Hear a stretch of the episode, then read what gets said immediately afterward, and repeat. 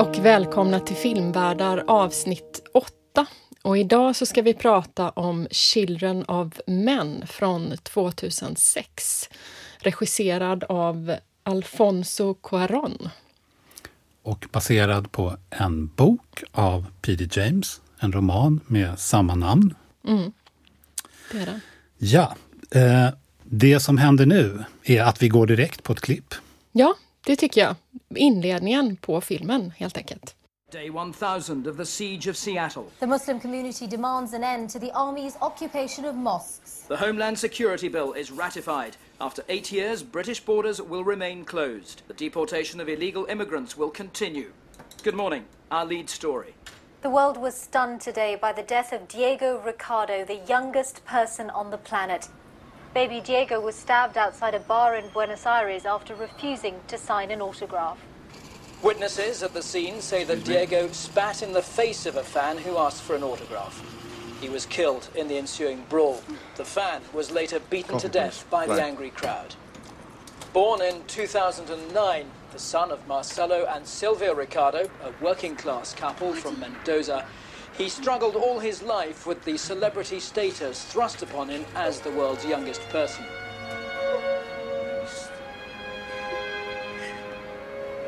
Diego Ricardo, the youngest person on the planet, was 18 years, 4 months, 20 days, 16 hours, and 8 minutes old.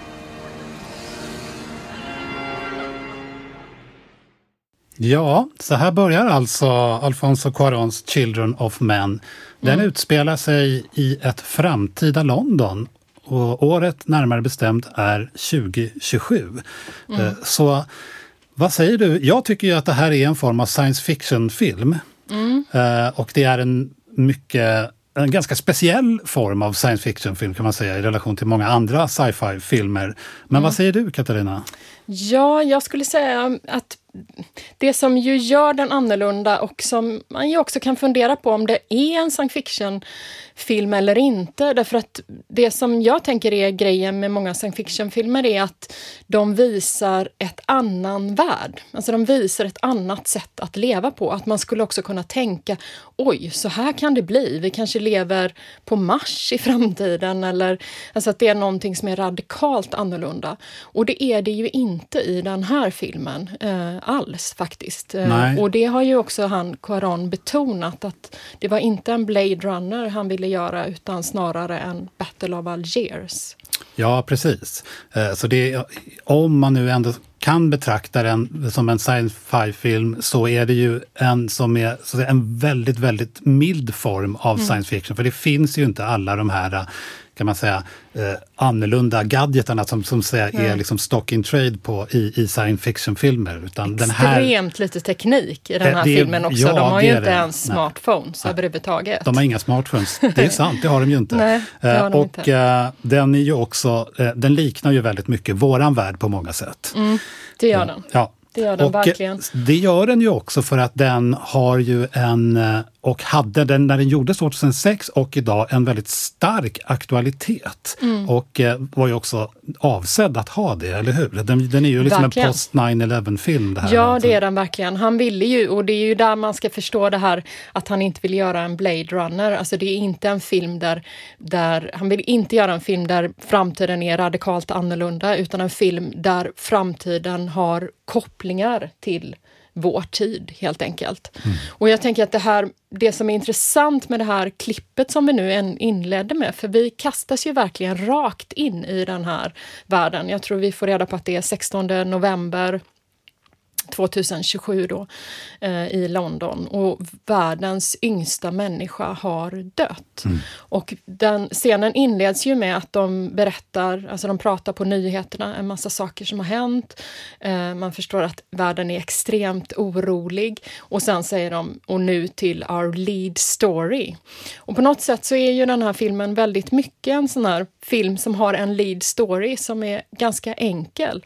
Men den är desto mer komplicerad i dess backstory, alltså det som händer runt omkring, alla små detaljer. Och där är den ju lik Pans labyrint då, att den är extremt mm. Mm. refererande, mm. mm. den här filmen. Ja, den är ju väldigt lurig på det sättet att den, den är den är, den är på något sätt väldigt, eh, lite för lätt att se som en, som en spännande actionfilm för den fungerar ytterligt bra på det planet. Jag tycker ja. den är lik Pans labyrint, jag tycker den är på något sätt också lik eh, Babadook där. Så mm. det är, här är alla tre filmer som man kan se på, på en nivå och missa oerhört mycket. Liksom. Det finns, ja. som du säger, mycket som ligger bakom här som bubblar upp hela tiden.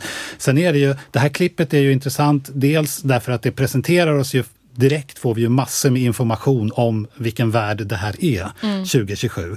Eh, med liksom det, eh, Seattle har legat under belägring i tusen dagar.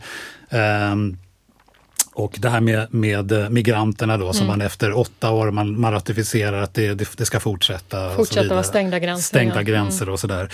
Eh, och det där kommer ju tillbaka sen i filmen, att man får, man får liksom information via media i filmen. Mm. Men, men det, här är också, det här är också en film som, med tanke på Pans labyrint då, som, och det som du sa, mm. som, som är så otroligt intertextuellt mm. tät. Lite grann som en, som en mosaik. Och ja. det här är ju någonting som man, man kan se filmen med stor behållning och överhuvudtaget inte bry sig eller vara medveten om det här. Nej. Men den är ju lite som en, ja men den är lite som en eh, skattkammare på något sätt, ja. som är där saker, skatter är gömda, som ja. man hela tiden upptäcker nya. Man börjar man nysta i den så hittar man ju otroligt mycket och faktiskt mer än eh, Pans labyrint. Även om Pans labyrint till synes verkar vara mer komplex, så är ju den här filmen en å ena sidan en banal, enkel film, å andra sidan extremt eh, komplex i alla sina detaljer. Ja, och det hänger också ihop med att, att det sätt, det som filmen vill förmedla också, en, en av en nutid eh, som är både 2027, 2006 och egentligen idag också. Att, mm. alla de här eh, olika typerna av alltså, musikaliska, kulturhistoriska, konstmässiga så att säga, referenser har ju en funktion. Ja. Så att, säga, att, att, att också skapa den här background storyn som, ja. som du pekar på. Verkligen. Så man kan väl säga att dagens avsnitt kommer ju vara lite annorlunda än vad vi har gjort tidigare. För vi kommer inte alls följa berättelsen på det sätt. Lite, lite grann, för vi kommer sluta på slutet, men, men vi följer inte den slags kronologin, utan vi har ju försökt att ta fasta på, inte huvudberättelsen, utan istället eh, de tematiker som vecklar ut sig i filmen. Mm. Eh, så det blir lite annorlunda och därför får man lyssna kanske extra noga då på handlingsbeskrivningen som kommer här. Alfonso Cuarons Children of Men utspelar sig i ett dystopiskt Storbritannien som år 2027 blivit en polisstat. I världen har inga barn fötts på 18 år och samhällsstrukturen i de flesta länder har helt brutit samman. Flyktingar från när och fjärran strömmar till Storbritannien som är ett av de få kvarvarande fungerande samhällen. Only Britain Soldiers On, som en regeringssponsrad propagandafilm säger. I Cuarons film får vi följa Theo Farran, en tidigare aktivist som efter sin sons alltför tidiga död förlorat hoppet och livslusten. Men så kontaktas han av aktivistgruppen Fiskarna, ledd av hans exfru Julian. De behöver hjälp med att föra ut en papperslös kvinna vid namn Ki ur landet. Det visar sig snart att Key mirakulöst är gravid och när Julian mördas förstår Theo att Key blivit en politisk bricka som fiskarna vill utnyttja för att skapa ett uppror i Storbritannien. Bit för bit vaknar Theo ur sin apati och hjälper Key på den farfyllda resan till räddningen. Ja, det här är ju en film, Tobias, som handlar om att världen inte längre har några barn, eller hur? Ja, det gör den ju. Mm. Det finns alltså inga barn, eller inga, ja det var 18 år sedan ja. Eh, och ett antal månader. Sen det senaste barnet ja, föddes. Precis. Ja. Och hur det är att leva i en sån här värld. Mm. Eh, som inte bara inte har, där det inte finns några barn utan också där det följer av det då att det finns inga framtida generationer. Nej. Det är liksom, man, man vet på, att mänskligheten kommer ta slut helt enkelt. Ja, precis. De karaktärerna som, som lever i den här världen, i filmens värld här, de lever ju alltså bokstavligt talat på slutet av historien. Mm. Kan man säga. Eh, det skildras ju bra i ett klipp det här. Ja. Ska vi höra det? Ja. As the sound of the playgrounds faded, the despair set in.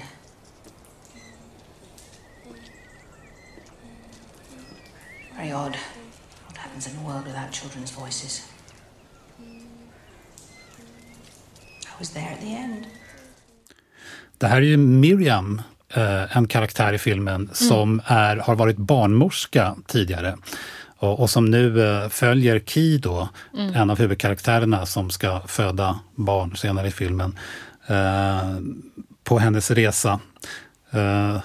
Ja. det, här, det här klippet skildrar ju väldigt, väldigt bra. Det, det på något sätt ett koncentrat av just det här, hon säger det så, så liksom tydligt. Liksom, att hur, hur, hur, alltså man, man, man ser ju framför sig hur successivt så blir de här lekplatserna tystare och tystare. tystare liksom. och skolorna försvinner, alltså barnskratten försvinner. Det gör ju någonting med människor, tänker jag. Ja. Jag vet att det har skrivits en del artiklar om det nu under pandemin, alltså i länder som har haft så här total lockdown. Mm. Att det har gjort någonting med människor när de hör, alltså utemiljöerna försvinner, barn, barnljuden helt enkelt. Mm. Eh, och jag tänker att den här känslan av hopplöshet, det är ju det på något sätt Cuaron vill komma åt med att ta den här idén om att vad händer med oss människor om det inte längre finns några barn?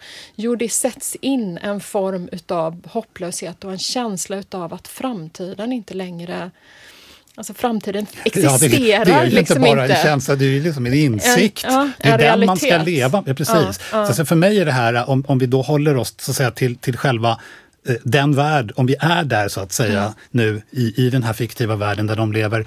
För mig är det, det är ju inte bara en värld utan barn utan det är ju en värld som, som håller på, alltså vi håller på att försvinna. Ja. Eh, hur lever man med det? Och jag menar, det är ju en form av kris också. det här. Mm. Man tänker sig liksom att no någonting är det ju, alltså vi, har ju, vi har ju tagit barn för givet. Vi tar barn för givet. De tar verkligen. barn för givet i den här världen. De tar sin, och därmed tar de också sin framtid och framtida generationer för givet. Mm. Eh, när någonting man tar för givet försvinner, hur reagerar man då? Jag tänker ju här, du och jag har ju båda läst José Saramagos Blindhet. Ja. Det är ju också en liknande, på ett sätt liknande, en sorts metafor där, men, men alltså när, när, någon, när, när synen hos alla människor, utom Ja. en då i den boken, äh, Ja. försvinner.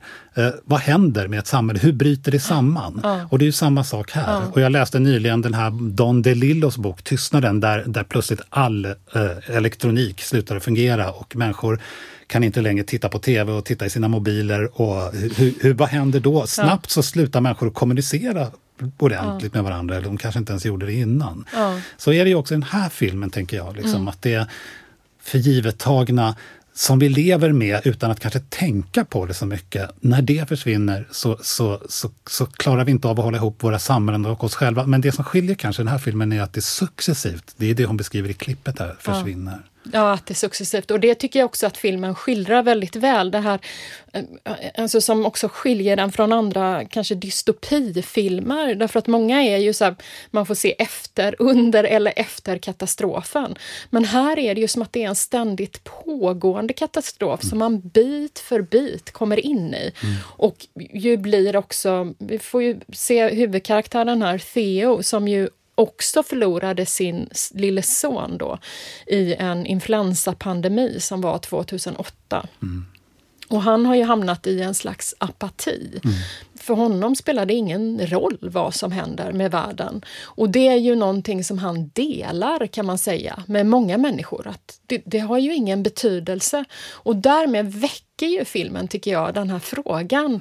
Vad händer om vi vet? Vad händer med oss som människor om vi vet att historien kommer bokstavligen ta slut. Alltså människans tid på jorden är snart över. Och vad gör det med oss som mänskliga varelser då? Och det, det, det här, tänk, det, det, precis så är det för mig också, verkligen. Det är liksom kärnan här.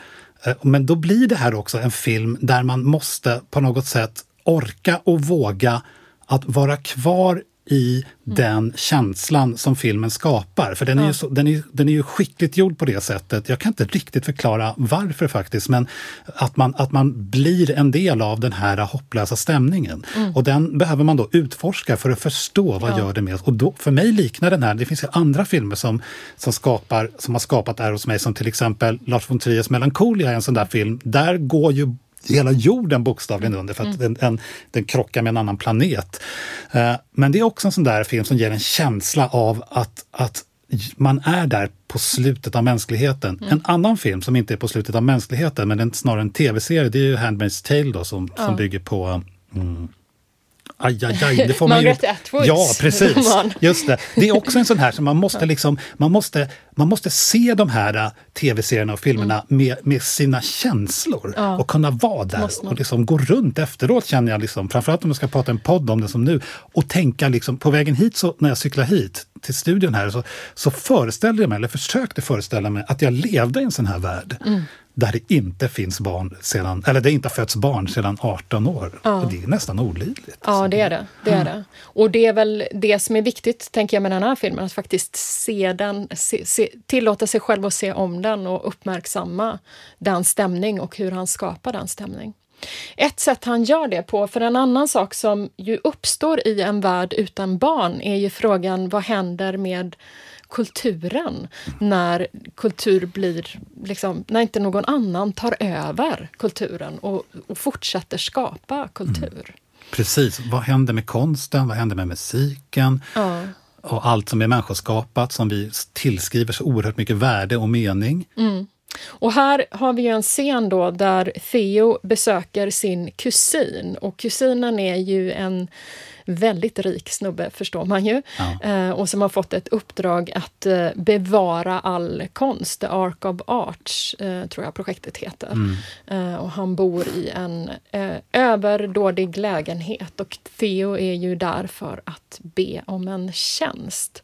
Men i den här lägenheten så har ju faktiskt den här kusinen, han omger sig ju med världens konst. Mm, med riktigt, riktigt stor konst. Så Ja, han har, eh, vi ska ju ha ett kort klipp härifrån för att man ska höra ett av, av konstverken, eller så att säga Mm. musikverken här. Men man, när de sitter vid det här matsalsbordet så har de ju, han har ju eh, Picassos Guernica Mm. på väggen. Liksom. Och när, när Theo kommer där i, i, i, in i hans lägenhet, eller, eller det som så att säga, på vägen till hans lägenhet, så står ju Davidstatyn där. Så det här är också ett det här är också, han har ju fått det här, just det här uppdraget för att han ska, så att säga, han ska, man ska samla, som jag förstår det, eh, stora konstverk och rädda dem från att liksom bli förstörda. Ja, precis. Men någonstans är hela projektet då poänglöst. Så. Ja, för vem ska jag titta på dem? Ja, Man, man kan också se en Banksy på vägen in faktiskt. Ja, just det. Mm. Precis, så är det. Och när de sitter då i det här, vid det här matsalsbordet så, så sitter de och, och då ser man den här Guernican då på, Mm. bakom på väggen. Eh, och det vi hör här då är ju en, ett utdrag från en opera av Georg Friedrich Händel. Så där har vi ytterligare en sån här konsthistorisk, eller förlåt, kulturhistorisk, musikhistorisk referens då. Och ett, alltså, ja, man kan man säga liksom högkultur. Ja. Eh, som på något sätt blir en del av hela det här liksom meningslösa projektet någonstans. We got to keep Las Meninas and a few other Velasquez. But we only got a hold of two Goyas. That thing in Madrid was a real blow to art. Not to mention people. How's Martha? She's doing her animal charity thing. Sense of love. Give her my best. Ja, vi hörde eh, musiken där i bakgrunden och där sitter de och dricker fint vin och sådär. Ja, jag tänker kusinen han säger det här. Eh, man förstår ju att det är någonting som har hänt i Madrid då, för de lyckades bara rädda två Goya, eller vad det är han säger.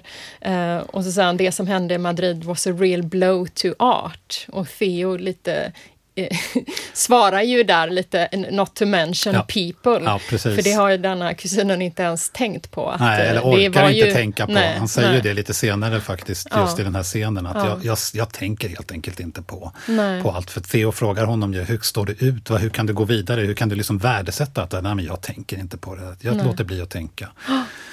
Och, för det, vi nämnde ju Guernica som är i bakgrunden och som ju är ett konstverk som var en reaktion på krig och som nu bara hänger där. Och lite senare så får man se hur eh, de ställer sig vid hans fönster och då kan man ju se Pink Floyds gris.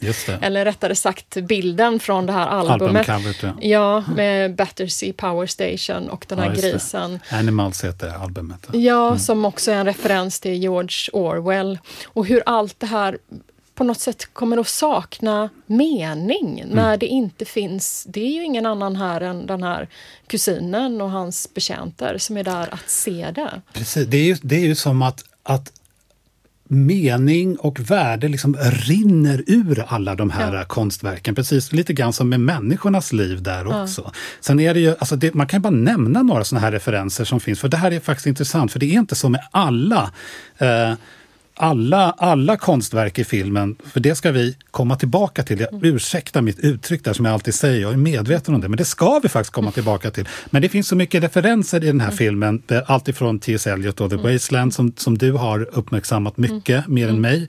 Eh, Botticelli, Michelangelo, Picasso, Pink Floyd så vi här, Händel. Eh, det finns eh, konstmusik av Sergej Prokofjev, Dmitrij Sjostakovitj, Krzysztof Penderecki, Gustav Mahler, sen har vi John Tavener, John Lennon då, populärmusik mer, King Crimson, Rolling Stones, dubstep finns det, elektronika och det bara fortsätter. Och mycket av det här eh, inte allt, men mycket av det här har ju just, eh, eh, blir på något sätt en del av den här världen där, där Ja, men där, där konstverken, liksom människorna dräneras på sitt, eh, på, sitt, på sitt innehåll och mening och värde och sitt hopp. Så att säga. Det går Ja, inte att fylla det här med... Så att det här Ark of the Ark-projektet är Ja, men det är ju egentligen fullständigt meningslöst. Varför Ja. ska man spara? Alltså, och han, det är därför han inte tänker på det, för han vet ju det någonstans, kusinen. Ja, och jag tänker också att det blir tydligt hur de här konstverkens, alltså den politiska potential som finns i dem, alltså som fanns i Pink Ja, Floyds det. eh, album, som finns i Guernicas, alltså de blir ju helt, det, det betyder ju ingenting. De Nej, är ju precis. bara något, något slags förskönande verk som ska bevaras, men det är inte liksom det de försöker kommentera som ska bevaras bevaras. Och där ställs ju frågan, tänker jag, som han ju på ett sätt gör väldigt smart. Vad händer med en kultur Alltså en kultur är ju inte en kultur om den bara bevaras. Vi behöver ju, alltså om man säger barn i någon slags bredare mening är ju, eller nya generationer, är ju de som ska bidra med en slags överraskning. Alltså som ska komma med det nya och som också ska utmana det etablerade och göra nya tolkningar eh, eller helt förkasta det eller sampla om, eller vad de nu gör. Och, och hålla kulturen levande. Och här är det ju som att den bara är den är ingenting. Liksom. Den betyder ingenting Nej, längre precis. när den inte får det sammanhanget. Och så, så det är ju på något sätt, tänker jag att att det är också en fråga som passar över till oss. Alltså vad betyder... För här ser vi en situation där kultur har gjorts meningslöst. Då. Men vad är kultur i vår tid? I våran det, egen det tid? tycker jag är väldigt bra uttryck faktiskt, att passa över till oss. För det tycker jag är det som den här filmen gör i, på, på så många olika sätt. Men det, här är ju, det här är ju ett av dem. Det är det. Så vi kan ju gå över till nästa klipp och nästa tematik. Därför att vi skulle också vilja prata då om och lägga en hel del tid på hur den här filmen faktiskt är en slags allegori över våran tid. För å ena sidan så kan man säga att ja, det är en form av sci-fi som utspelar sig i framtiden. Samtidigt så eh, har ju Caron själv sagt, och den, det är väldigt tydligt uppbyggt på det sättet, att det här är inte, han hittar inte på saker. Han refererar till saker och gör det med ett slags koncentrat. Så att hela poängen är ju att visa oss vår tid genom att förlägga den i en framtid och koncentrera ändå bitar från våran tid. Och jag tänker att något intressant med det är ju att på ett sätt har den ju blivit mer aktuell idag än vad den var 2006. På det Ja, sättet. det är, det är precis. Alltså det, i, den, I den mån det, det någonstans är, den beskrivs ju trots allt som en sci-fi av många. I, I den mån den är det så har vi ju med, mm, väldigt så att säga, snabbt närmat oss den här sci-fi-världen sedan 2006. Så den är ju lite profetisk också kan man säga på det sättet. Och då menar jag närma oss eh, inte bara rent va, hur våran värld ser ut, så att säga, rent objektivt, utan också tror jag i, i, i, i vårat någon sorts allmänna medvetande och liksom våran, vårat sätt att leva i världen. Så att vi, den är mycket mindre science fiction idag än vad den var 2006. Den var, den var lite då också. Den var ju så, som en förtätning, Ja. ett koncentrat, en, liksom en, en som, eh, vad heter han, Slavoj Zizek säger, att, att en, en målning av dig, Katarina, Mm. den är mer dig än vad du själv är. Och det är precis så han beskriver den här eh, filmen. Mm. Den här filmen är liksom mer vårt samhälle än, än, än vi kan se så att säga, i vårt samhälle. ja. Och det har blivit ännu starkare och mer förtätat sedan 2006. Ja, det är det. Eh, Så, så att det är ju på ett sätt, eh, det blir mindre och mindre aktuellt att kalla den en sci- science fiction-film och mer och mer viktigt att säga, att förstå den. Som en så- samtidsskildring. Ja, som en Det är samtidsskildring. också som du har påpekat när vi har pratat med varandra att eh, eh, spermiaantalet hos eh, västerländska män går ju också ner. Det har väl Ja, halverats ja vad det precis. Det stod om det i tidningen för bara för några veckor sedan. Ja. Eh, Så det, det, det får ju liksom en bokstavligt talat Ja. liksom, sån dimension över sig här. Ja, det får det. Men eh, om man också ska försöka komma in på hur... För vår fokus för det här avsnittet är ju på det som är backstoryn då, alltså inte det som är huvudberättelsen som kan ses som liksom den mer actionbetonade delen av Ki och Theos resa utan hur Quaron jobbar med detta. Så att vi ska backa tillbaka till början egentligen, där Theo då lämnar det här kaféet där han har köpt kaffe och där vi fick höra den inledande tv-sändningen. Och lyssna på ett klipp eh, där hur Quaron jobbar just med ljud för att etablera den här känslan. Mm, precis. Det kommer här.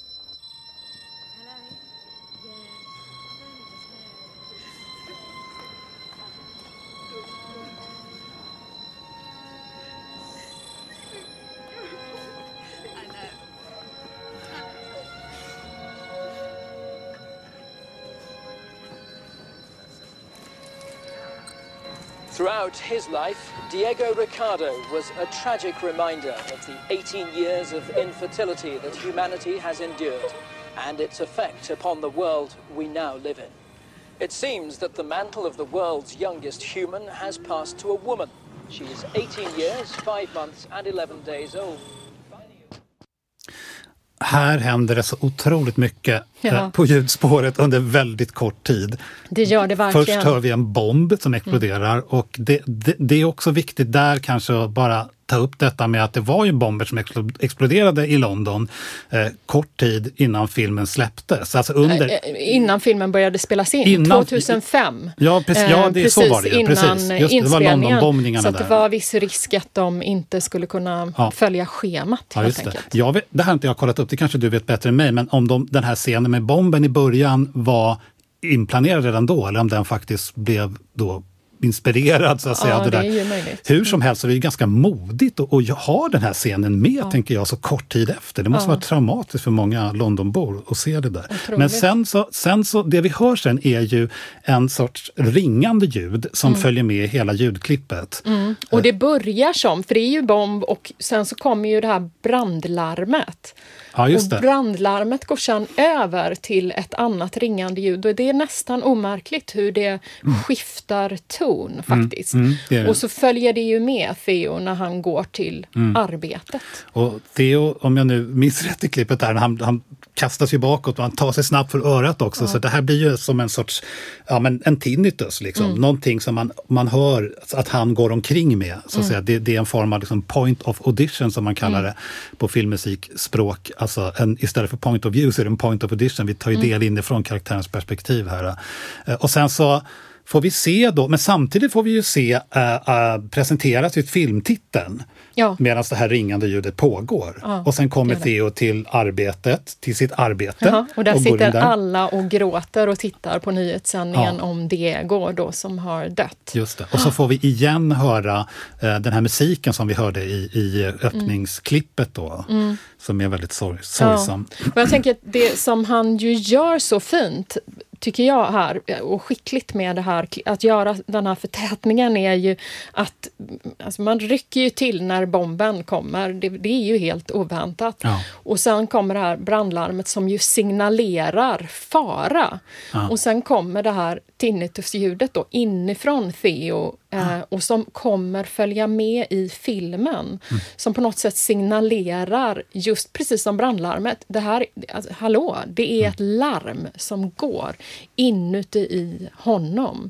Eh, och den här sorgen över eh, liksom att den yngsta människan då har dött. Så det är liksom en förtätning av, liksom ljudmässig förtätning av en, en katastrof och en sorg och ett beredskapsläge Ja. helt enkelt. Både i samhället men också inombords hos Ja, honom. ja. Det, men det är också redan från början här ett extremt komplexitet också med, med, med hur man ska tolka så att säga, det här ringande ljudet som, som å ena sidan är väldigt tydligt då och det får man ju, som vi snart ska komma till till ett annat klipp senare i filmen, förstå att, att det är just en sorts tinnitus som, som, han, som han får av bombexplosionen här. Det, det framkommer ju flera gånger i filmen. Han säger det så att säga.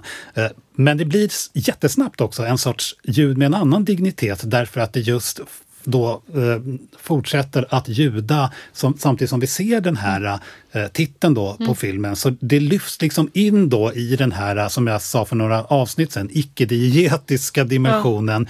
Det vill säga det som är någon sorts mer bakgrundsljud som hör till bakgrundsmusikens värld.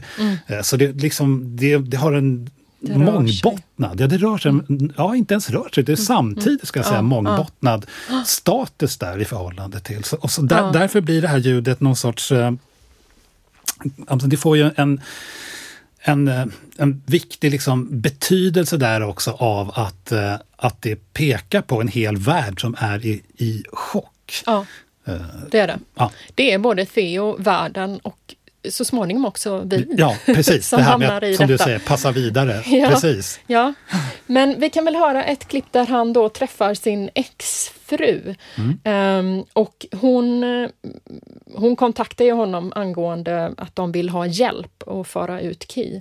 Ehm, men hon kommenterar hans tinnitus och eh, det är så kärnfullt så att vi vill gärna ta med det. You know that ringing in your ears? That ee? That's the sound of the ear cells dying, like their swan song. Once it's gone, you'll never hear that frequency again. Enjoy it while it lasts. Ja, jag kan ju säga att jag, jag har ju tittat på den här filmen intensivt då nu i några veckor. Och för några veckor sedan så drabbades jag också av eh, tinnitus. Oj. Alltså jag låg, låg liksom i sängen och det ringde i mina öron och alltså det var så otroligt obehagligt. Eh, och jag var ganska oroad över detta och kunde inte heller förstå hur kan jag ha fått... Eh, tänkte så här, men lyssnar jag på jätte... Alltså har jag så hög musik i hörlurarna och sådär. Sen bit för bit så började jag förstå att nej men, det är ju filmen. Alltså det här är ju jag som påverkas utav den här filmen. Alltså, och när jag väl liksom började uppmärksamma, för jag tänkte faktiskt inte så mycket på detta inledningsvis, men när jag väl började uppmärksamma Theos tinnitus eh, och fastnade också för det här klippet där hon, eh, you know that ringing in your ear, eh, så har ju faktiskt det här gått över. Så det var ju helt psykosomatisk Oj. verkan av den här filmen. Du ska nog passa på lite vilka filmer du ser och hur mycket du ser dem. Alltså, du, Ja. väldigt, som jag tänker på Stalker också, när vi pratar om Ja. det. Så, så Ja. Tarkovskij Stalker, hur Ja, påverkad vissa filmer eh, hamnar eh, rakt in i hjärtat kan man väl säga. Ja. Och, och det är ju just, alltså jag tänker att vad, vad den ju gör då med det här tinnitusljudet eh, är ju att jag, på något sätt markera den här filmen som en allegori. Alltså förlusten av barn är en, en allegori över vår tid. Vi Mm. må inte ha förlorat våra barn än så länge. Nej. Men det är någonting i vårt tillstånd Mm. där vi lever nästan som om vi hade förlorat våra barn. Och därav det här ringandet, tänker jag. För det är ju Mm. en, ett slags larm som går på. Och det är också som hon säger i det här klippet, en svanesång över, Mm. över någonting som håller på att gå förlorat. Precis. Det där, där kan man ju ta vid också just att det att det är eh, en del av, alltså det finns så mycket i den här filmen och filmen som helhet som just blir den här eh, allegorin över våran tid eller Ja, om det nu är en allegori, tänker jag plötsligt, om det, utan snarare kanske just ett sätt att, liksom förtätning av våran tid. Men i den meningen en allegori, så att säga att det här eh, ljudet till exempel och andra saker som kommer tillbaka i filmen då verkligen blir någonting som bör få oss att tänka över hur, hur, hur, hur egentligen lever vi och upplever vi vår värld idag? Eh, och det är, ju, det är ju någonstans en sorts det finns en motsvarande känsla av hopplöshet ibland, känns det som, i, i våran samtida senkapitalistiska samhälle. Alltså en form av konsumeristisk, individualistisk och självrealiserande livsstil, den, den är så stark idag. Ja. I, runt om i stora delar av världen och framförallt i västvärlden. Och, men jag har i alla fall en känsla av ibland att med våran pandemi och, och liksom med, med, med, med samhällen som vittrar sönder i liksom neoliberalismens eh, framfart där. Att, att det är också det är en känsla liksom av att vi lever i en sorts apokalyptiskt medvetande Ja. ibland. Och jag talar verkligen inte bara om, om, om corona och den senaste årets pandemi, utan liksom västvärlden sen, ja men lite, kanske lite post 9-11, men, men ännu längre tillbaka liksom med starten på, på nyliberalism på 80-talet, där vi har ett, ett samhälle som vi inte riktigt känner oss trygga i. Och där stora, alltså det som, var de, det som kunde skapa en form av större meningsbärande sammanhang som, som har att göra, tror jag, faktiskt med att man lever i ett samhälle som är solidariskt, Ja. har vittrat sönder. Ja. Och det här är någonting, och det är ju både konkret som vi ska komma tillbaka till eh, i den här filmen, så skildras ju det här, men också på något sätt, säga, fenomenologisk nivå, hur människor upplever att vara i den här världen. Så, så där blir ju barnlösheten också en allegori över det. Ja. Någon sorts apokalyptisk, historielös, sammanhangslöst tillstånd som, som vi då väldigt mycket har hamnat i. Och det, det, det, det enda, våran solidaritet idag, den sträcker sig liksom, den är sån expanderad individualism. Den inbegriper oss Verkligen. själva och vår kärnfamilj och våra egna barn. Men det som blir så, jag tycker den här filmen på något sätt, oavsett om den vill det eller inte, pekar på någonting som är så otroligt Alltså den lyfter fram en sorts insikt, nämligen att vi tror att vi kan framleva våra liv genom att, så att säga, boosta oss själva och liksom gata in oss och liksom ta hand bara om våra egna barn. Nu läste jag senast här för några dagar sedan i tidningen att föräldrar i, en, i, ett, i ett område i Stockholm hade kritiserat en skolledning för att de hade valt, skolan hade valt att ta in barn som hade läs och skrivsvårigheter, för det skulle då påverka deras egna barn negativt, de här föräldrarnas. Det här är en form liksom expanderad egoism. Eh. Men, men vad den här filmen pekar på är ju att den är så illusorisk. För att vi kan inte leva utan andras barn. Nej. Och att det här barnlösa samhället, det är ju andras barn. Framtida generationer, det är ju Ja. andra barn, inte mina egna. Nej, och utan det så finns inte den här världen som är större, som en meningsbärande helhet. Och då försvinner ju allt värde, till exempel även konsten och musiken. Och. Ja, men jag tänker att vi lever ju som, vi lever ju på ett sätt i västvärlden i varje fall, som om vi inte hade några barn, alltså i generell mening. Ja. Som om vi inte be- behöver ta ansvar för framtida generationer och den värld som de ska leva i. För att vi vet ju att vi inte kan fortsätta leva så här. Vi kan inte fortsätta flyga på det sätt vi gör, konsumera på det sätt vi gör och ändå fortsätter vi att göra det. Så att det finns en slags arrogans, tänker jag, i vår tid som gäller just de framtida generationerna. Som på något sätt den här filmen ju pekar på. För att det är som om vi inte... Det är så här, hallå, men vi har ju barn. Ja, det- vi det- måste man- det- börja man- leva som om vi... Ja. Utifrån det att vi faktiskt har barn Ja. och vi har ett ansvar för framtida generationer. Ja, man kan inte säga det bättre än vad du sa det nu faktiskt. Alltså, vi, vi lever som om att, att det inte finns. Ja. en framtid, eh, eller att det inte ska finnas det. Så, eller att det, Ja, eh, framtiden är bara min och den, Ja. den tar jag hand om. Jag vill leva mitt liv och åka mina semesterresor och konsumera allt det här. och det kanske Men till och med är ingen- så att vi har gett upp. Att vi, Ja. när vi lever med våra semesterresor och liksom boostar oss själva och liksom våra barn och ska tjäna pengar och så vidare. Så är det liksom, det var det jag tänkte på med den här kontexten, apokalyptiska, hopplösa Ja. liksom, sammanhanget som vi lever i. Då. Någonstans så vet vi om det. Och, och, och så och så gör det saken ännu värre. Ja. För då reser vi ännu mer Ja. och då skiter vi ännu mer. För, Ja. för vi utgår ifrån att det är kört ungefär. Så att det finns Mm. en, en djup pessimism så att säga. Verkligen. Och det som man kan säga i den här filmen pekar ju ändå på, som också finns i vårt samhälle, att det här gäller ju verkligen inte för alla. Alltså det är några som kan leva sitt liv i överflöd och i viss mån trygghet, medan andra inte kan det. Ja, allra tydligast i, i den här filmen så blir det ju eh, skild, skildringen av hur man behandlar eh, migranter som sätts i burar och eh, men också eh, uppmaningar från regeringen via olika propagandafilmer att man, ska, man får absolut inte liksom, gömma migranter. Vi kan ju höra ett klipp hur Ja, det, det, låter. jag. det tycker jag.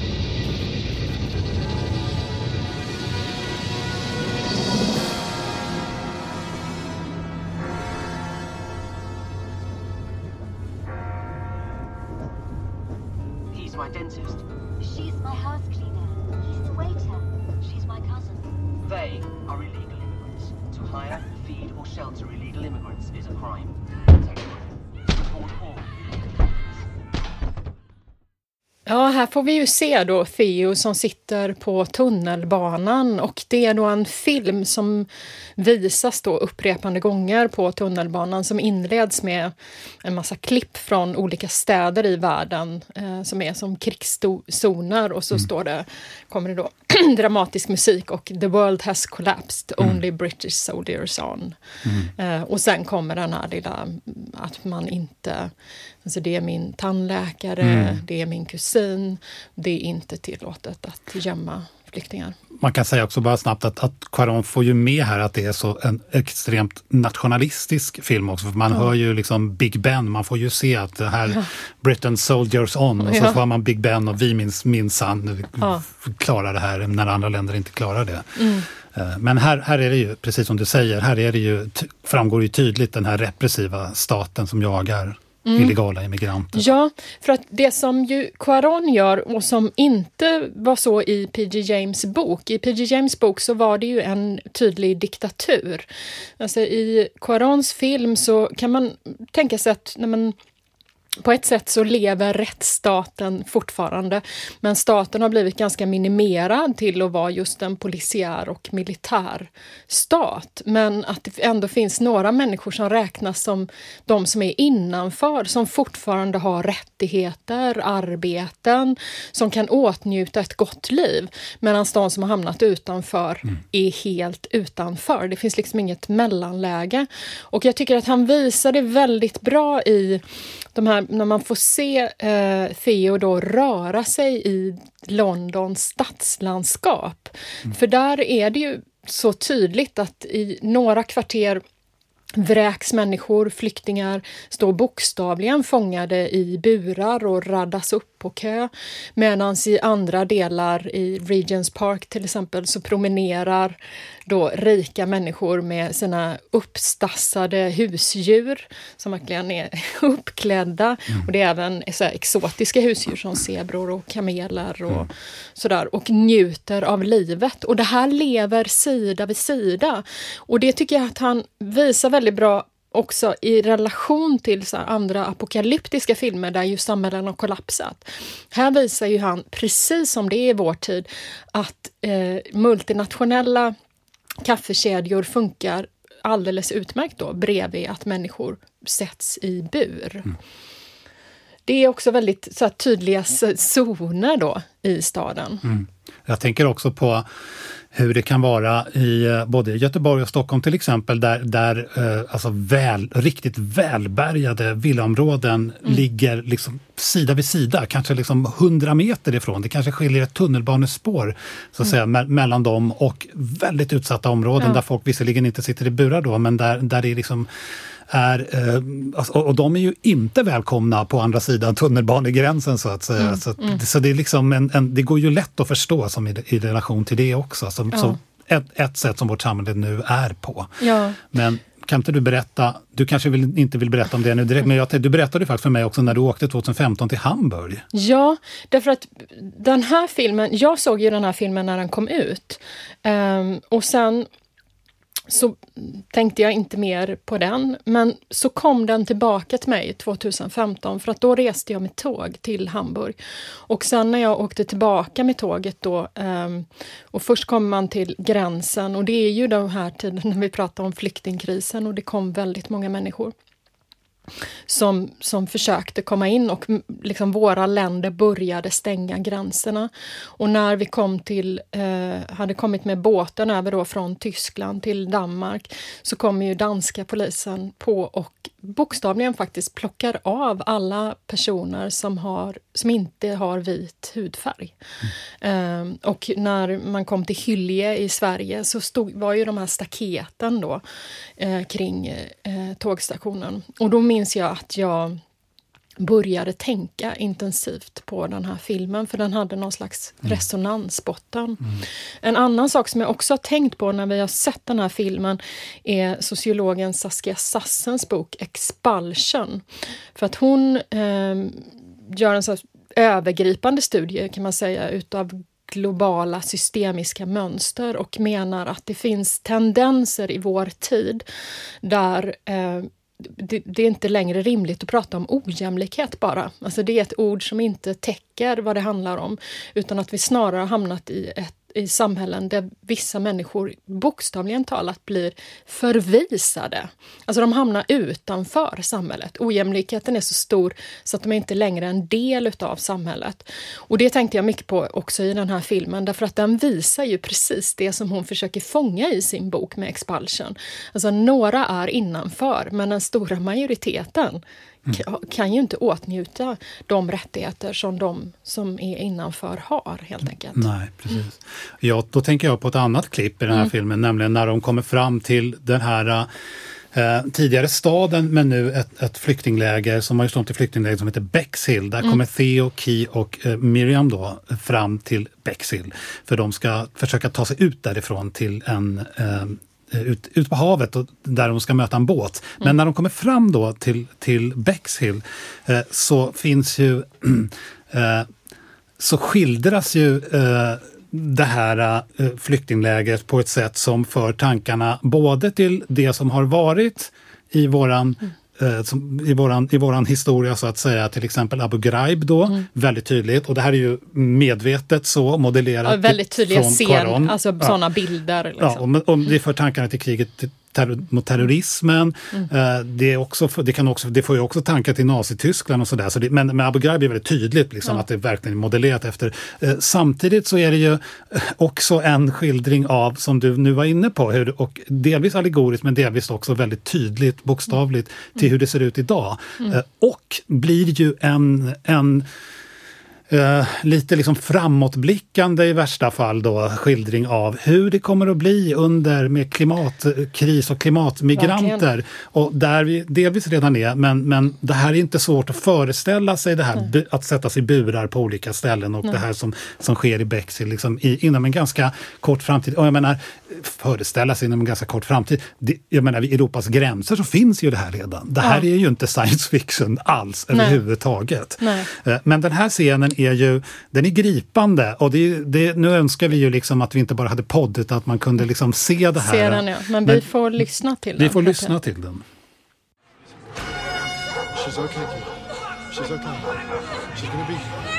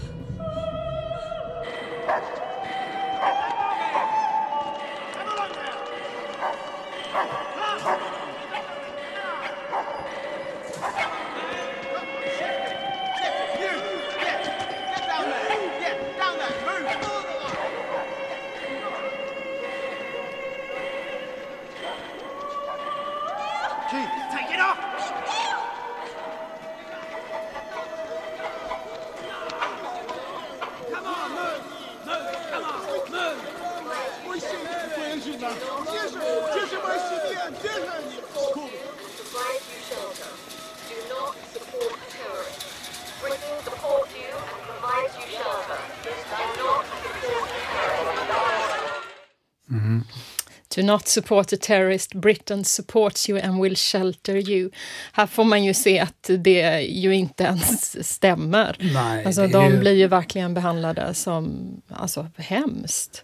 Ja, alltså den här barnskötaren Miriam hon dras ju av, dras ju ur bussen där och direkt blir hon huvad. då. Ja, det blir de. Ja, och sen så får man ju resten av scenen skildra hur de då ska ta sig in i, eller de går in genom olika säkerhetsspärrar in i flyktinglägret.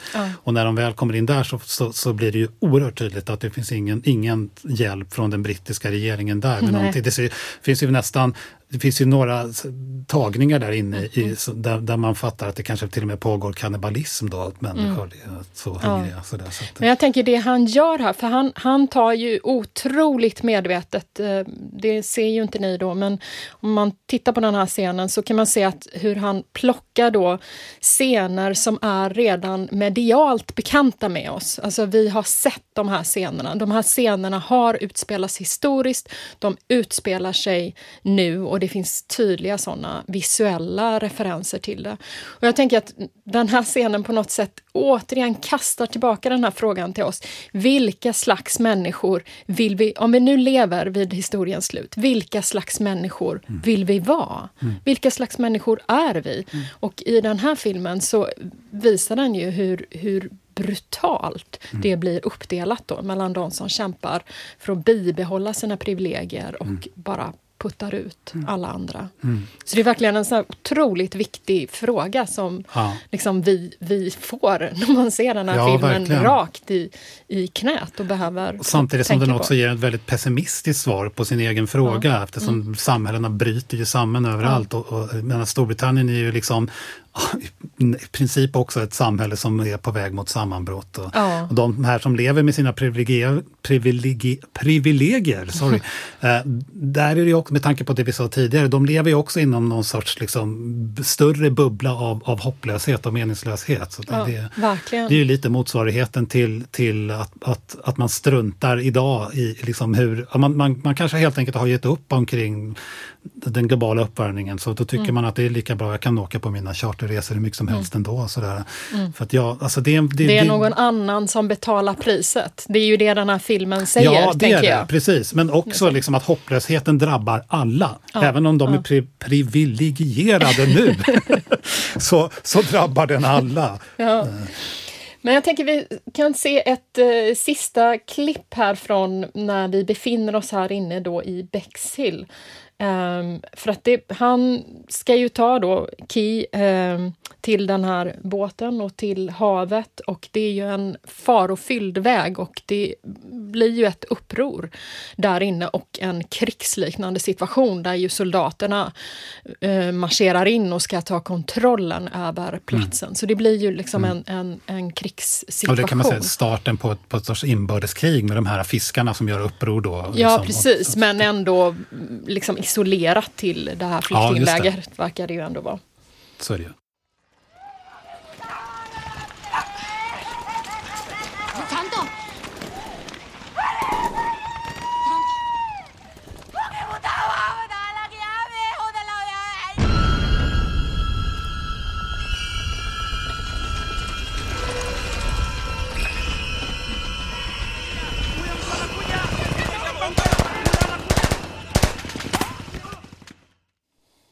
Tobias, vad är det för musik vi hör här? Det är Krzysztof Pendereckis uh, Threnody to the Victims of Hiroshima som han komponerade 1960.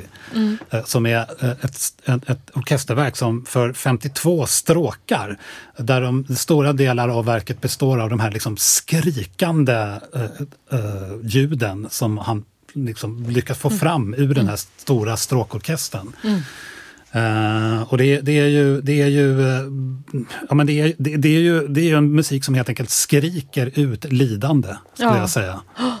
Otroligt eh, dramatisk och gripande. Det här är också en scen som eh, återigen som man behöver se då, men det här gråtande, den gråtande kvinnan som man får höra är ett, också ett sånt typiskt exempel på hur Charon arbetar, därför att väldigt ofta följer ju kameran efter Theo. Men istället för att alltid hålla liksom, kameralinsen mot Theo så zoomar den ju ut och tar in det som finns vid sidan. Mm. Och här får man ju följa då Theo och eh, Key bakifrån när de liksom eh, ska liksom ta sig någonstans men sen så plötsligt så så sitter det en kvinna med sin, eh, vad förmodas vara en död son då, mm.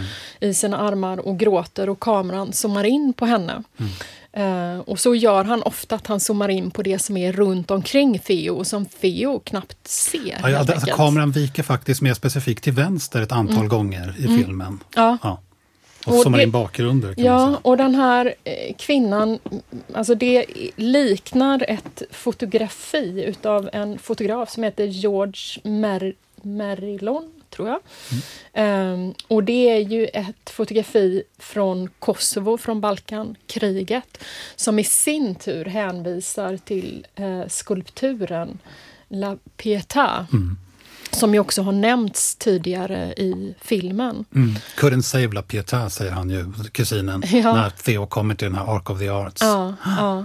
Så att här är återigen en sån här, liksom, där filmen hänvisar till ett fotografi som i sin tur hänvisar till en staty, men som har en verklig bäring från ett krig. Mm. Och jag måste säga, när jag såg det här och också hörde då den här musiken, så tänkte jag Alltså jag tänkte så mycket på det här med barn igen, därför att det här är ju en bild av en mor som sörjer sin son. Alltså det är ju en son som har gått förlorad för en mor. Även om han inte längre är ett barn, så är han hennes barn. Och jag tänker att den här, både hennes gråt och den här musiken är ju ett sätt att sätta uppmärksamheten på att kri i krig förlorar vi våra barn. Mm. Uh, och det måste vi liksom se mycket tydligare. Mm. Och jag tänkte också, det är ju mer en samtidsreferens som jag själv tänkte på, men men med den här gråtande moden då och hänvisningarna till mödrarna som sörjer sina söner så tänkte jag på det här slagordet som kom efter eh, mordet utav George Floyd eh, som var All mothers were summoned when George Floyd called out for his mamma. Alltså att alla, alla mödrar blir kallade. Mm. Um, och på ett sätt så upplever jag att Sharon vill göra precis det. Han vill mm. kalla, kanske inte bara mödrarna, utan fäderna mm. och säga i krig förlorar vi våra barn. Mm. Kom ihåg det. Mm. Det jag tycker är, är fantastiskt eh, spännande gjort också. Men jag skulle faktiskt vilja backa några sekunder också och följa ljudspåret från det som händer inne i lägenheten tills de går ut eh, och mm. ser då kvinnan med, med den döda sonen och så vidare. För scenen innan så befinner de sig i, i en lägenhet som, som bebos av eh, några ryssar. Mm. Och hela den scenen skildrar en sorts nostalgisk iscensättning av ett tidigt 1900-tal i Ryssland. Och det man, alltså scenen är fylld med, med lägenheten där de är fylld med med, med fotografier och, och mm. det är någon rysk äldre kvinna där. Och, och man får hela känslan av liksom att man är helt plötsligt i, i, i tid, tidiga, liksom, kanske 19, 1910, 15, mm. 20-talets Ryssland mm. innan, innan kommunismen där. Och, då, och på ljudspåret så hör man då ett, ett annat klassiskt stycke, nämligen Sergej Prokofjevs violinkonsert, andra mm. satsen, som ger en väldigt sådär, den är väldigt, väldigt lyrisk, mm. Eh, vacker. Och när hon då går ut i lägenheten och då börjar den här kvinnan att skrika så zoomar kameran in på henne och väldigt snart så får vi höra Pendereckis musik istället. Så den, och den bryter ju av på ett sätt som är, som är jag menar, oerhört eh, eh, det är kraftigt skillnad på den mm. musiken och, och Prokofjevs musik. Så det, ja. ut ur det här själviscensättaren som snart ska försvinna också. Det kommer ju antagligen att sprängas i luften den lägenheten också. Ja. Och sen får man alltså höra under hela den långa scen som följer efteråt när, när Theo springer runt först tillsammans med, med Ki och den här Marika då som hjälper dem, en mm. annan kvinna där inne i Bexhill. Eh, och sen eh, jagar fatt på Ki för att de här uh, fiskarna då får tag i henne och mm ta med henne bort. Liksom. Han springer ju själv genom gatorna där. Under en lång scen så får vi höra den här musiken, Pendereckis musik. Eh, vi hör den mer eller mindre tydligt, den liksom kommer och försvinner lite. Och som jag uppfattar det, den, den följer liksom med hela tiden. Som jag uppfattar det så kommer ju också det här ringandet tillbaka. För Ja, det är en massa det. explosioner där. Och här, på något sätt blir det en förtätning av ljudspåret där man får inte bara den, denna liksom skrikande ångestmusik utan också samtidigt överlagras det med, med det här ringandet. Liksom. Mm. Ja, så det går, ja.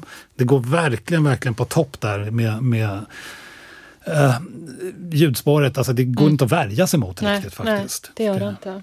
Sen ska jag säga en sak till med den långa scenen, för den, det är ju väldigt dokumentärt alltihopa gjort Mm. och det är det som ger den här realistiska känslan av filmen.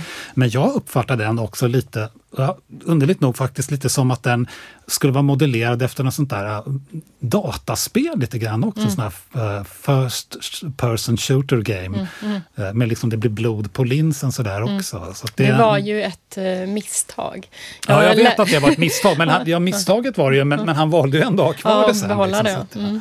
Eh, Men den är, det kanske är just för att det skiljer så mycket utifrån, eh, hela den segmentet så att säga skiljer sig utifrån Theos eget perspektiv när han springer Ja, det gör det. genom det, gör det. Och det, ger, det är också det som ger det dokumentära, som att vi är med. Det filmaren, filmaren springer efter där liksom, och Ja. försöker få fatt Ja, på vad som sker.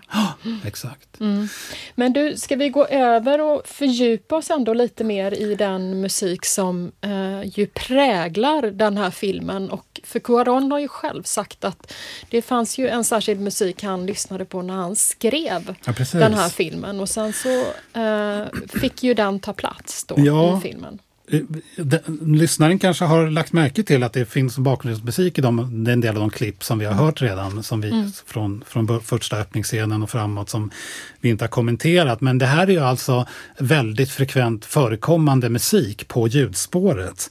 Och det är alltså komponerat av eh, den brittiske tonsättaren John Tavener. Eh, och det som jag har räknat det, det, så återkommer den här musiken 15 gånger genom eh, filmen i olika scener. Eh, och den här musiken är intressant för den befinner sig på en annan nivå tycker jag än, än mycket av den musik som vi annars hör i filmen. För det första är det en typ av musikalisk genre som man brukar kalla för helig minimalism. Alltså det är, en- det är en typ av eh, nyandlighet och liksom nyreligiositet i musiken som, som är som en, det är en reaktion som musikalisk genre mot den modernistiska konstmusiken efter decennier efter andra världskriget. Så att det är liksom en väldigt, väldigt andligt uppfylld musik. Då. Och det var ju det här som du sa som Cuarón lyssnade på.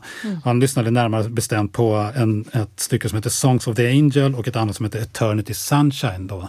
Och Eternity Sunshine är ett stycke av John Tavener som också tas in några gånger i den här filmen. Men vad han gjorde var att han specialbeställde ju musik från John Tavener då. Ja. Ett stycke som kom att heta eh, Fragments of a Prayer som alltså då är originalmusik till, till filmen. Och det är det stycket som kommer tillbaka, eller delar av det stycket som kommer tillbaka så många gånger genom filmen, som fungerar som en sorts ledmotiv, kan man säga. Eh, och det, jag, som jag ser det så, så, är, så är det här eh, väldigt... eh, det, det, det är en väldigt viktig del av filmen det utkristallis utkristalliserar sig två mönster, eller eh, kan man säga två, eh, två, två olika emotionella mönster som musiken iscensätter genom filmen. Det ena har med sorg att göra, för att den här musiken kommer tillbaka i scener där, men, där karaktärer dör. Som en karaktär vi inte har talat om är ju eh, Theos bästa vän Jasper. Ja. Eh, när han dör, han blir skjuten i en scen, då får vi höra Taverners musik. När Julian dör, alltså hans exfru, då får vi höra Taverners musik. När Miriam blir avplockad från bussen i Bexhill och huvad, då får vi höra Taverners musik. När Theo spoilar vi här då, liksom till slut själv dör, som han sannolikt gör på slutet, då får vi också höra Taverners musik. Det är alltså musik som är kopplad till död, karaktärs död och sorg. Uh, å andra sidan är det musik som också kopplas in till hopp. För den här filmen är också en film om Men hopp. kan vi inte, innan du går över på hopp, bara lyssna på hur det låter när det är kopplat till sorg och påminna lyssnarna om hur det låter? Ja, precis. Ja. Det ska vi ju göra. Det var ju meningen. Här kommer det.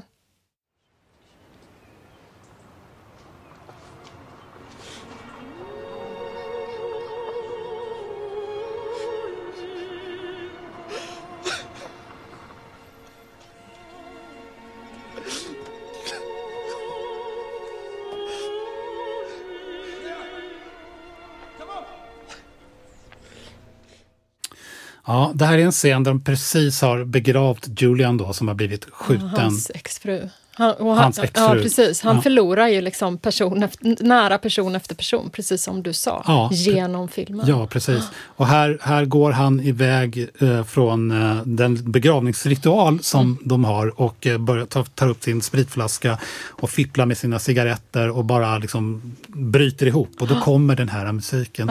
Och det, det som är viktigt här med den här musiken, och det handlar om den när den kommer tillbaka och skildrar hopp också, men det är viktigt att säga här också i- scenen med sorg, det är att även om det liksom är en oerhört stark sorg och ett sammanbrott som skildras, så det här är också en, en ganska en ganska central scen i filmen, för här någonstans så börjar ju Theo förändras. Och han får alltså kontakt med något mer autentiskt inre. Alltså det, det är musik som på något sätt står för en, en form av eh, autentisk subjektivitet, tycker jag. I, i, i, och, och i motsats till det här liksom senkapitalistiska samhällets ideologiska förtvivlan som Slavoj Zizek kallar det. Alltså det finns någonting här som är, eh, som, som är en, emotionellt verkligt för karaktären och för filmen. Men sen är det ju så att den här musiken kommer tillbaka också i scener som skildrar hopp. Och då handlar det ju om eh, scener som när Ki då eh, visar för Theo för första gången, i, hon står i en lada omgiven av massa kor, då visar hon att hon är gravid. Eh, Och han blir ju mycket förvånad, to say Ja. the least. När babyn senare föds och när de är ute på havet precis i slutscenen och den här skeppet som heter Tomorrow då anländer och ska ta Ki vidare. Eh, så kom, så de, alla de scenerna ackompanjeras också av Tavernes musik. Så det här är musik som eh, som talar till filmen utanför, utif, utanför filmens egen värld. Alltså, så att säga, den talar ifrån en annan position. Eh, men den inkapslar på något sätt den här hopplösa världen i, i en sorts emotionell ehm, alltså en emotionell atmosfär som, som präglas av, eh, av någon form av autenticitet. Eh, och därför är ju det, ja, för mig är det här också en film om hopp. Ja. Eh, Vilket jag tycker det blir tydligt då på slutet. Det är Ja. inte säkert att alla uppfattar det så. Men vi kanske skulle kunna lyssna lite på hur det låter på slutet. Gör vi. Theo!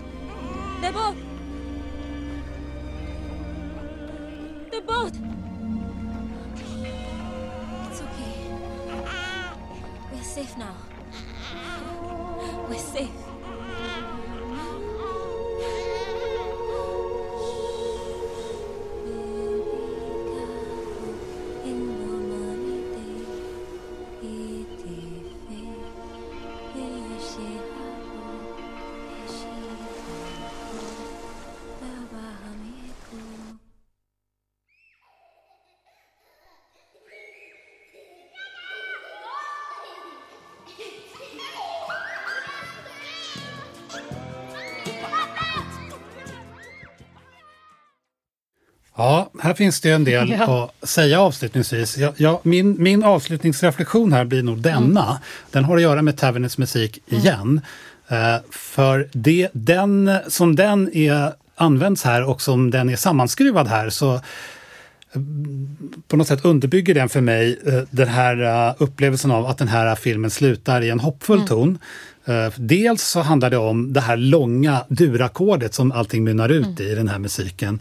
Men sen om man lyssnar noga, och det här har man hört tidigare i filmen, så finns det alltså en musikalisk figur i den här Fragments of a Prayer som går så här. Da, da, da, da, da, da, da, da. Fyra toner som går uppåt. Och det kallar man med sån här teknisk term för ett tetrakord. Eh, och faktum är att det här stigande eh, liksom, kvarten då, eh, den är en sorts inventering av eh, det som man kallar för en, en, alltså en, en typ av fallande musikalisk figur som man använt mycket för att skildra sorg, till exempel i, i, i opera och i 1600-talsopera bland annat. Där man har som en fallande bas då, som man kallar för, också ofta väldigt vanligt, en typ av aria som man kallar för lamentationsarier, sorgarier. Så med andra ord, det vi har här är en typ av invertering av sorgen i musiken i alla fall. En, som då blir Ja. hopp. Jo, men jag tänker också att den är hoppfull och jag menar, man kan ju fundera på... Key ska ju bli upphämtad av något som kallas för The Human Project eh, och det är en båt som då ska ta henne till någon ö där ju mänskligheten ska startas om. Och det kan man ju fundera på om det verkligen stämmer eller inte och om det är hoppfullt inom ramen för filmen. Men jag tänker vad han gör här är ju att han bollar vidare till oss som tittar på filmen. Och på något sätt, för det är ju en slags förtätad ljudbild här. Vi har Taverners musik, sen har vi Key som sjunger den här vaggvisan för sitt barn där hon sjunger Gråt inte till sitt lilla barn. Och sen hör vi de här barnskratten som ju kommer, barnskratten kommer ju i den här mörklagda bilden som slutar hela filmen. Med eftertexterna. Precis, eh, och, och är ju motsvarigheten till det som är den här mediala backstoryn och leadstoryn inledningsvis. Så plötsligt är ju barnen där och så kommer John Lennons eh, protestsång Bring on the Lucy eh, som han eh, skrev 1973. Så det är någon slags jag tänker att det ändå är en slags kopp, en boll över till oss. att vi har en möj, Det finns en möjlighet här. Vi har ju trots allt barn kvar. Alltså vi har i realiteten framtiden, men vi måste förändra den. Jag tänker också om man ska se den all, med, utifrån det här allegoriska så dör ju huvudpersonen Theo. Och någonstans kan man ju också förstå det som att ja, men den vite mannen måste ge upp. Alltså han måste dö för att låta en ny framtid födas helt enkelt. Mm, mm. Jag ska bara säga också, för mig, de här barnskratten på slutet eh, är en sorts... Att de säger ungefär samma sak till oss åskådare som, som Julian säger till Theo i den scenen vi hörde tidigare. Enjoy it while it Ja. lasts. Eh, och därmed också se till att ta hand om det Ja, här.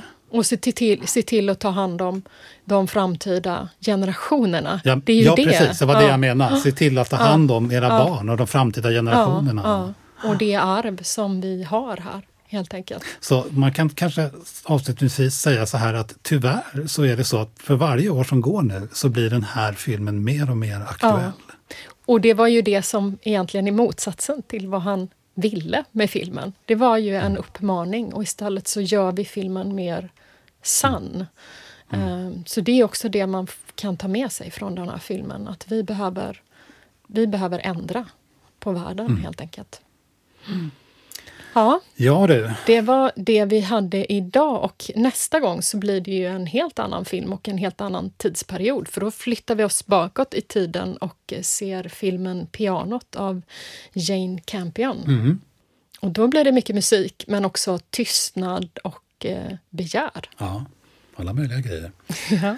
Men du, tack idag Katarina och tack ni som har lyssnat. ja, verkligen. Tack för idag och så hörs vi nästa gång. Absolut.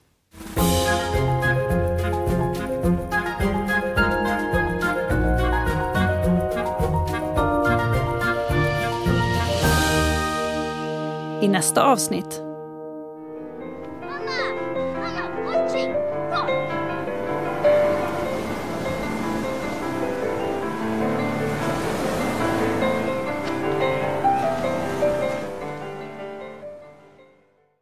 Den här podden produceras av Medieteknik vid Göteborgs universitet med bidrag ur stiftelsen Gustav Adolf Bratts föreläsningsfond och institutionen för kulturvetenskaper.